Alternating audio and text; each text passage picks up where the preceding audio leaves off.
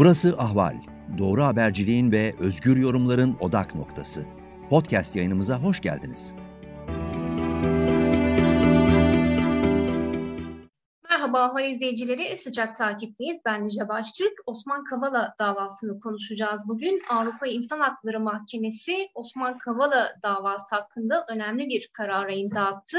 Bir süre önce Avrupa Konseyi Bakanlar Komitesi AHİM'in serbest bırakılmalı kararına uymayan Türkiye hakkında ihlal süreci başlatmıştı. Bu sürecin sonunda Avrupa İnsan Hakları Mahkemesi bugün Türkiye'nin ihlal kararını yerine getirmediğini e, hükmetti Peki bu karar ne anlama geliyor? Osman Kavala serbest bırakılacak mı? Bu karar sonrası nasıl bir süreç işleyecek? Hepsini insan hakları hukukçusu Benan Molu ile konuşacağız. Merhaba Benan Hanım. Merhaba. Şimdi bugün AHİM e, Türkiye'nin ihlal e, süreci konusunda e, Ankara hakkında, Ankara aleyhinde bir karar verdi.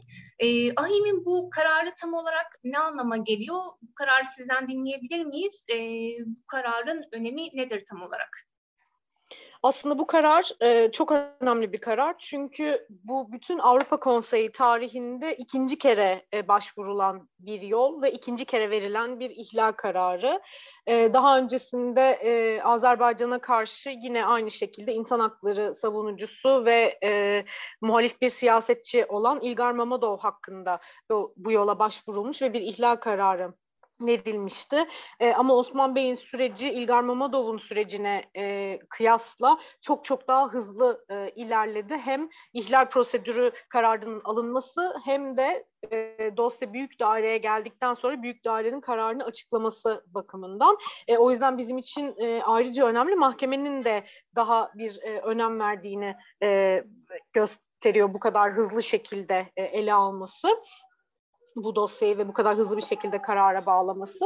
Bugün aslında e, özetle İnsan Hakları Mahkemesi şunu söylemiş oldu.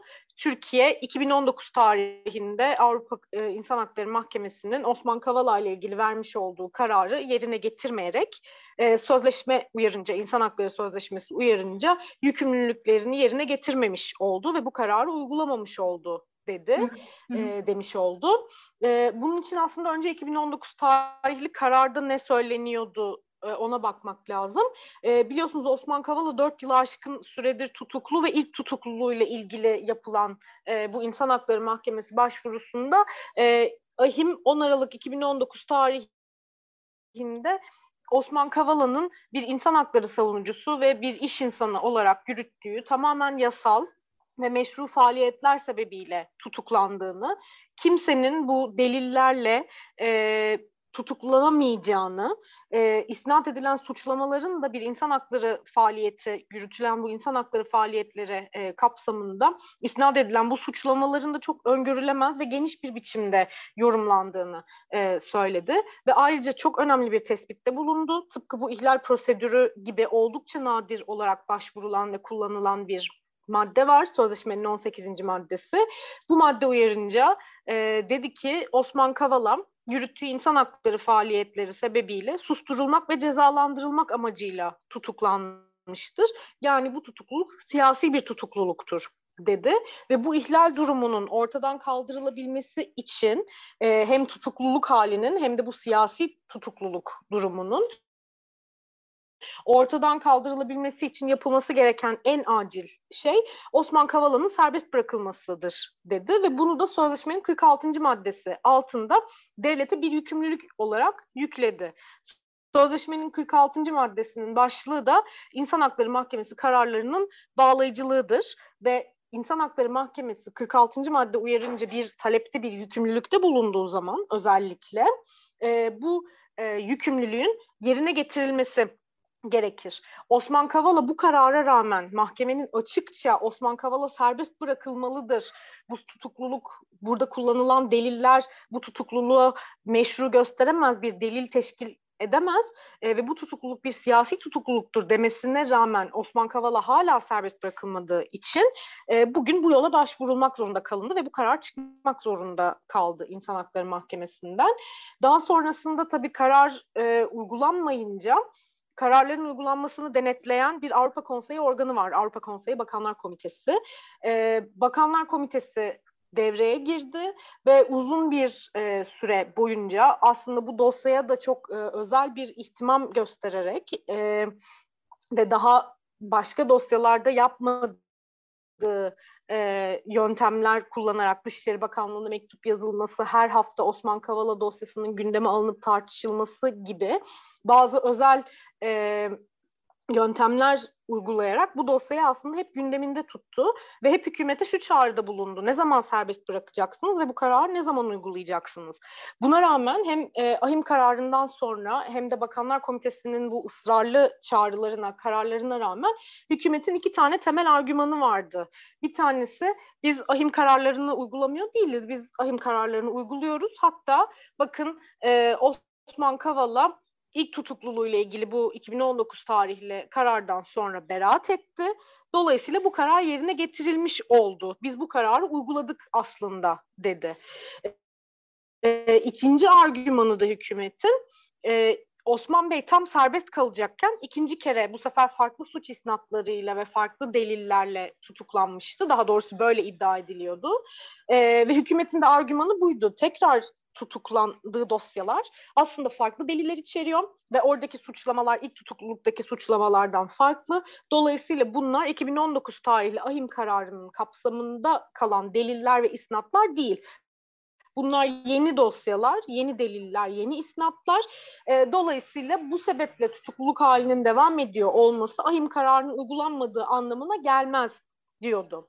Fakat Bakanlar Komitesi ve uluslararası e, kamuoyu aynı zamanda ulusal kamuoyu da bunu hiçbir zaman inandırıcı bulmadı ve Bakanlar Komitesi aldığı kararlarda hep şunu söyledi.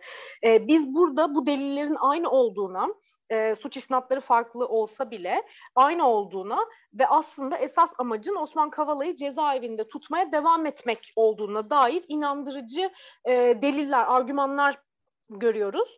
E, ve bu da aslında mahkemenin 2019 tarihinde söylediği bu tutukluluk siyasi bir tutukluluktur tespitini devam ettiren bir yaklaşımdır dedi. Ve bu kararlara rağmen de bu tepkilere rağmen Osman Bey hala serbest bırakılmayınca ve verilen Bakanlar Komitesi tarafından verilen e, süre içinde e, tekrar e, bunlar yerine getirilmeyince bir cevap verilmeyince bunlara e, bu argümanlara inandırıcı bir e, şekilde Bakanlar Komitesi de bir ihlal prosedürü başlatmak e, zorunda kaldı 2 Şubat itibarıyla e, ve bugün de İnsan Hakları Mahkemesi e, bu kararı e, verdi bu ihlal prosedürü kapsamında. Evet. Peki bu karar sonrası e, artık Türkiye'de nasıl bir sürecin başlamasını bekleyeceğiz Osman Kavala hakkında ve en çok merak edilen soru şu Osman Kavala'nın bu karar sonrası serbest bırakılmasını artık beklemeli miyiz? Ne dersiniz bu konuda? Şöyle karar çok açık aslında. Ee, Bakanlar Komitesi tabii bu dosyayı İnsan Hakları Mahkemesi'ne gönderirken az önce söylediğim tespitleri yaparak göndermişti. Bugün İnsan Hakları Mahkemesi'nin kararına baktığımızda yine aynı şekilde bu argümanlara teker teker cevap verdiğini görüyoruz. Burada aslında üç tane e, bu kararda karardan çıkan üç tane önemli sonuç var. Bir tanesi bu tabii ki sadece e, Osman Kavala'yı ilgilendiren bir sonuç değil yapılan o e, detaylı değerlendirmeler aynı zamanda benzer durumda olan Selahattin Demirtaş gibi, Figen Yüksekdağ gibi e, aynı e, dosya kapsamında farklı delillerle ya da aynı benzer delillerle farklı suçlamalarla tekrar tutuklanan diğer muhalifler açısından da e, çok önemli ve onları da ilgilendiren bir tespit. E, şunu söyledi mahkeme yani her ne kadar farklı bir suç isnadı yapıyor olsanız bile e, burada delillerin aynı olduğu ya da benzer olduğu e, ne olursa olsun bu tutuklamayı haklı gösterecek bir e, delil olmadığını gözlemliyorum burada. Hem tutuklama kararında hem de iddiaların yani isnat edilen diğer delillerin de e, büyük oranda çürütüldüğünü söyledi. Bu tabii ki herkes açısından çok e, önemli bir e, tespit. İkinci olarak söylediği şey bu çok ağır bir tespit aynı zamanda. Biz her ne kadar e, Bakanlar Komitesi önüne sunulan e, yazışmalarda da görüyoruz Türkiye her ne kadar bu kararı uyguladığını ya da uygulamak için adımlar attığını, işte bazı eylem planları çıkarttığını söylese de aslında bunlar bu kararın uygulanması için yeterli adımlar değil dedi ve bunu bir adım daha ileri götürerek şunu söyledi. Sözleşme sistemi, e, Avrupa Konseyi sistemi, insan hakları sistemi aslında genel olarak taraf devletlerin e, ve bu sözleşmeye taraf olan kişilerin iyi niyeti üzerine kuruludur. Fakat biz burada e, verilen 2019 tarihli kesin ve bağlayıcı olan bir ahim kararına rağmen, Bakanlar Komitesi'nin kararlarına rağmen, Osman Kavala hakkında verilen beraat kararlarına ve diğer tahliye kararlarına rağmen e, ya da tahliye edilmesi yönünde yapılan bu çağrılara rağmen Osman Bey'in dört buçuk yıla yaklaşan bir süredir e, cezaevinde tutulmasında artık bir iyi niyet göremiyoruz dedi ve aslında kötü niyetle hareket edildiğini ve 2019 tarihli bu kararda söylenilen siyasi sebeplerle susturmak ve cezalandırmak amacıyla tutuklanmıştır tespitini bir adım daha ileri götürdü ve dedik ki artık buradaki bütün bu genele baktığımızdaki e, durumda e, artık 2019 tarihli kararın ruhunun ve sonuçlarının e, gereği yerine getirilmeli Aksi takdirde karar yerine getirilmemiş, uygulanmamış sayılacaktır dedi. Bu da şunu şuna yol açıyor, şu anlama geliyor. Bu kararın ruhu ve sonucu 2019 tarihli ihlal kararının ruhu ve sonucu şu. Bir, birinci olarak Osman Kavala'nın derhal serbest bırakılması. İkincisi Osman Kavala'nın beraat etmesi. Üçüncüsü bu siyasi sebeple haksız, keyfi, hukuka aykırı tutukluluğa bağlı olarak meydana gelen diğer bütün olumsuz koşulların ve yaptırımların ortadan kaldırılması. Yani yurt dışı çıkış yasağı gibi, ev hapsi gibi, mal varlığına el konulması gibi, avukatlık yapmasının ya da milletvekili olmasının engellenmesi gibi gibi sadece Osman Bey'le sınırı söylemiyorum ama hani bu siyasi tutukluluklarla bağlantılı olarak meydana gelen diğer bütün yaptırımların ortadan kaldırılması gerekir. Dolayısıyla eğer siz bunları bu üç adımı atmıyorsanız, tamamlamıyorsanız uzun vadede ya da yakın vadede bu karar yerine getirilmemiş sayılacak Avrupa Konseyi Bakanlar Komitesi tarafından. Şimdi bugün itibarıyla 11 Temmuz itibarıyla bu karar kesin ve bağlayıcı bir karar büyük daire tarafından verildiği için. Şunu da hemen söyleyeyim. 17 hakim tarafından verilen bir e, karar bu. E, 16'ya karşı e, bir e, oyla çıktı. Ee, yani bir muhalefet şerhi var. O da Türkiye hakimi Saadet Yüksel tarafından e, yazılan bir şerh. Onun dışında bugün itibariyle bu bir büyük daire kararı olduğu için kesin ve bağlayıcı olan bir karar. Bundan sonra bunun değerlendirmesi, uygulanıp uygulanmadığını denetlemek tekrar Bakanlar Komitesi'nin e, görevi olacak ve Bakanlar Komitesi bir inceleme yapacak. Burada önemli olan şey ilk etapta kesin ve bağlayıcı olduğu için bu karar istinaf mahkemesinin e, bir tahliye kararı vermesi ve tabii ki dosyada e, buna bağlı olarak Osman Kavala'nın tekrar beraat etmesini sağlayacak bir e, karar vermesi e, en yakın e, vadede beklen, beklenilecek olan, beklenilmesi gereken e, şey bu. Dediğim gibi uzun vadede de beraat etmesi ve diğer olumsuz koşulların ortadan kalkması. Bunlar olmazsa Bakanlar Komitesi ne yapabilir? İşte bu kısım çok belirsiz ne yazık ki. Çünkü sözleşmede ve bu ihlal prosedürüne dair detayları düzenleyen Avrupa Konseyi statüsünde e, buna dair herhangi bir e, net bir e, düzenleme yok. Biz sadece şunu biliyoruz. Eğer İnsan Hakları Mahkemesi kararları yerine getirilmezse bu ihlal prosedürü kapsamında e, o zaman Bakanlar Komitesi e, oy hakkına ilgili devletin askıya alabilir, belirli toplantılara katılmasını, temsilci göndermesini e, engelleyebilir, bunları kısıtlayabilir. E, Avrupa Konseyi üyeliğinin askıya alınmasını sağlayabilir. En son kertede de üyelikten çıkartma kararı alabilir. E, ama bunlar ne zaman olur, hangi sırayla olur e, ve hangi yaptırımlar uygulanır, nasıl olur bunları bilmiyoruz. Çünkü konsey tarihinde henüz bunun e, benzeri e, yaşanmadı. İlgar Mammadov örneğinde en başta bahsettiğimde İlgar Mammadov zaten büyük daire bu ihlal kararını vermeden önce serbest bırakılmıştı. Dolayısıyla ortada serbest bırakma ile ilgili, tahliye kararı ile ilgili bir e, acil bir durum yoktu. Sonrasında peyderpey e, İlgar Mamadov'la ilgili e, bu diğer bahsettiğim olumsuz yaptırımlar da teker teker ortadan kaldırılmaya başlandı ama bu çok uzun sürdü. Dolayısıyla Azerbaycan'a karşı herhangi bir e, yaptırım sürecine gidilmedi. İnceleme hala Bakanlar Komitesi önünde devam ediyor. Ama Türkiye örneğinde Osman Bey hala cezaevinde olduğu için e, şu an için öncelikli olarak tahliye edilmesini e, bekleyeceğiz, beklemeliyiz. E, onun dışında da tahliye edilmezse, e, beraat etmezse ve diğer e, yaptırımlar da ortadan kaldırılmazsa ne olacağını hep birlikte göreceğiz. Ama bir hukuk devletinde zaten bu kararın hiç çıkmaması gerekirdi. E, işlerin hiç bu noktaya gelmemesi gerekirdi. E, ama bir an evvel bu kesin ve bağlayıcı olan kararın artık uygulanması gerekiyor. Peki Türkiye bu kararına direnip e, çünkü geçtiğimiz günlerde Osman Kavala Gezi davası kapsamında bir mahkumiyet kararı almıştı.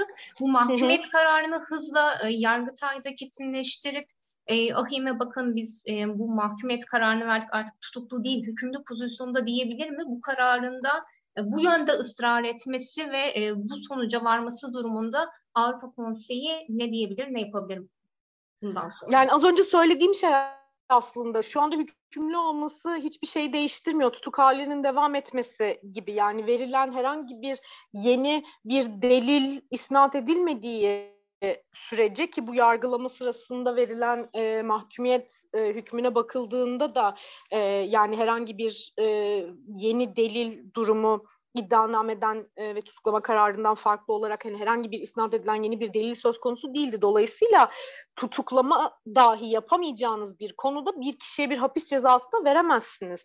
Yani ki nitekim Osman Kavala'ya verilen hapis cezası biliyorsunuz idam cezası, ölüm cezası kaldırıldığı için Türkiye'de ağırlaştırılmış müebbet hapis cezası şu anda bir insana bizim ceza adalet sistemimizde verilebilecek en ağır ceza ve hiçbir somut delil olmadan bir kişiyi e, bir kişiye ağırlaştırılmış müebbet hapis cezası vermenin hiçbir orantılı ölçülü tarafı yok. Hani hiç o şey kısmına girmiyorum bile. Ee, işte makul şüphe var mıydı, somut delil var mıydı gibi. Dolayısıyla e, burada hani bakanlar komitesi açısından zaten e, ikna edici bir argüman olmayacak. Nitekim bu şey olarak söylendi İnsan Hakları Mahkemesi'nin önünde zaten hükümlü. E, dolayısıyla bu süreç durdurulmalı e, diye Bakanlar Komitesi'nde de benzer e, bildirimlerde bulunuluyor. Ama bu ikna edici bulunmayacak Bakanlar Komitesi tarafından. Çünkü dediğim gibi karar tam anlamıyla uygulanmış sayılabilmesi için İstinaf Mahkemesi'nin de Yargıtay'ın da e, Osman Bey beraat ettirecek yönde bir e, karar vermesi gerekiyor. Bu cezaları onayacak bir karar değil. Bu saatten sonra özellikle e, böyle bir karar, ben bu karara uymamaya direniyorum e, anlamına gelir. E, o da işte artık Bakanlar Komitesi ona nasıl tepki verir, nasıl bir e, yol izler onu göreceğiz. Ama inandırıcı bulunacak ya da ikna edici bulunacak bir e, argüman e, değil bu. Hani biz ağırlaştırılmış müebbet hapis cezası verdik bakın o artık hükümlü. Bu karar uygulanamaz ya da bu karar onu kapsamıyor gibi bir durum e, söz konusu değil artık. Peki son olarak şunu sormak istiyorum. E, benzer durumda olan Selahattin Demirtaş dosyası da var. E, Selahattin Demirtaş'ın dosyası da Avrupa Konseyi Bakanlar Komitesi'nin önünde. E, bu karar e, Demirtaş dosyasını nasıl etkiler? Demirtaş'la ilgili bundan sonra nasıl bir e, süreç bekleyeceğiz? E, Demirtaş dosyasında Bakanlar Komitesi daha farklı bir e, yol e, izliyor. Çünkü Demirtaş'ın durumuyla e, Osman Kavala'nın durumu yani hali hazırda devam eden e, tutukluluk durumları birbirinden e, aynı olsa da birazcık daha farklılık gösteriyor. Demirtaş da aynı şekilde e, Osman Kavala gibi e, tam serbest kalacakken e, farklı suç isnatları altında ama aynı 6-8 Ekim dosyası e, kapsamında tekrar tutuklanmıştı biliyorsunuz. E, ondan sonrasındaki süreçte ilk e, başta hep 6-8 Ekim'le ilgili e, devam etti ve Bakanlar Komitesi hep e, benzer Osman Kavala ile paralel bir yaklaşım izledi. Fakat dosyaya Selahattin Demirtaş'ın dosyasına yeni gizli ve açık tanık e, beyanları girdik, girdikçe Bakanlar Komitesi de e, hükümetin gönderdiği beyanlara e, birazcık daha ağırlık verip e, bunlar yeni delil mi ve büyük daire kararının acaba kapsamında kalmıyor mu gibi bir ikileme düştü. En sonunda Haziran ayında e, yapılan toplantıda bunlar yeni delil olabilir mi ve büyük daire kararının kapsamında kalmıyor olabilir mi diye tekrar bir değerlendirme e, kararı aldı. Biz e, Haziran oturumundan önce hem Demirtaş'ın avukatları olarak hem de e, bu süreci Bakanlar Komitesi önünde takip eden uluslararası e, insan hakları kuruluşları var. Onlar e, bunun aynı e,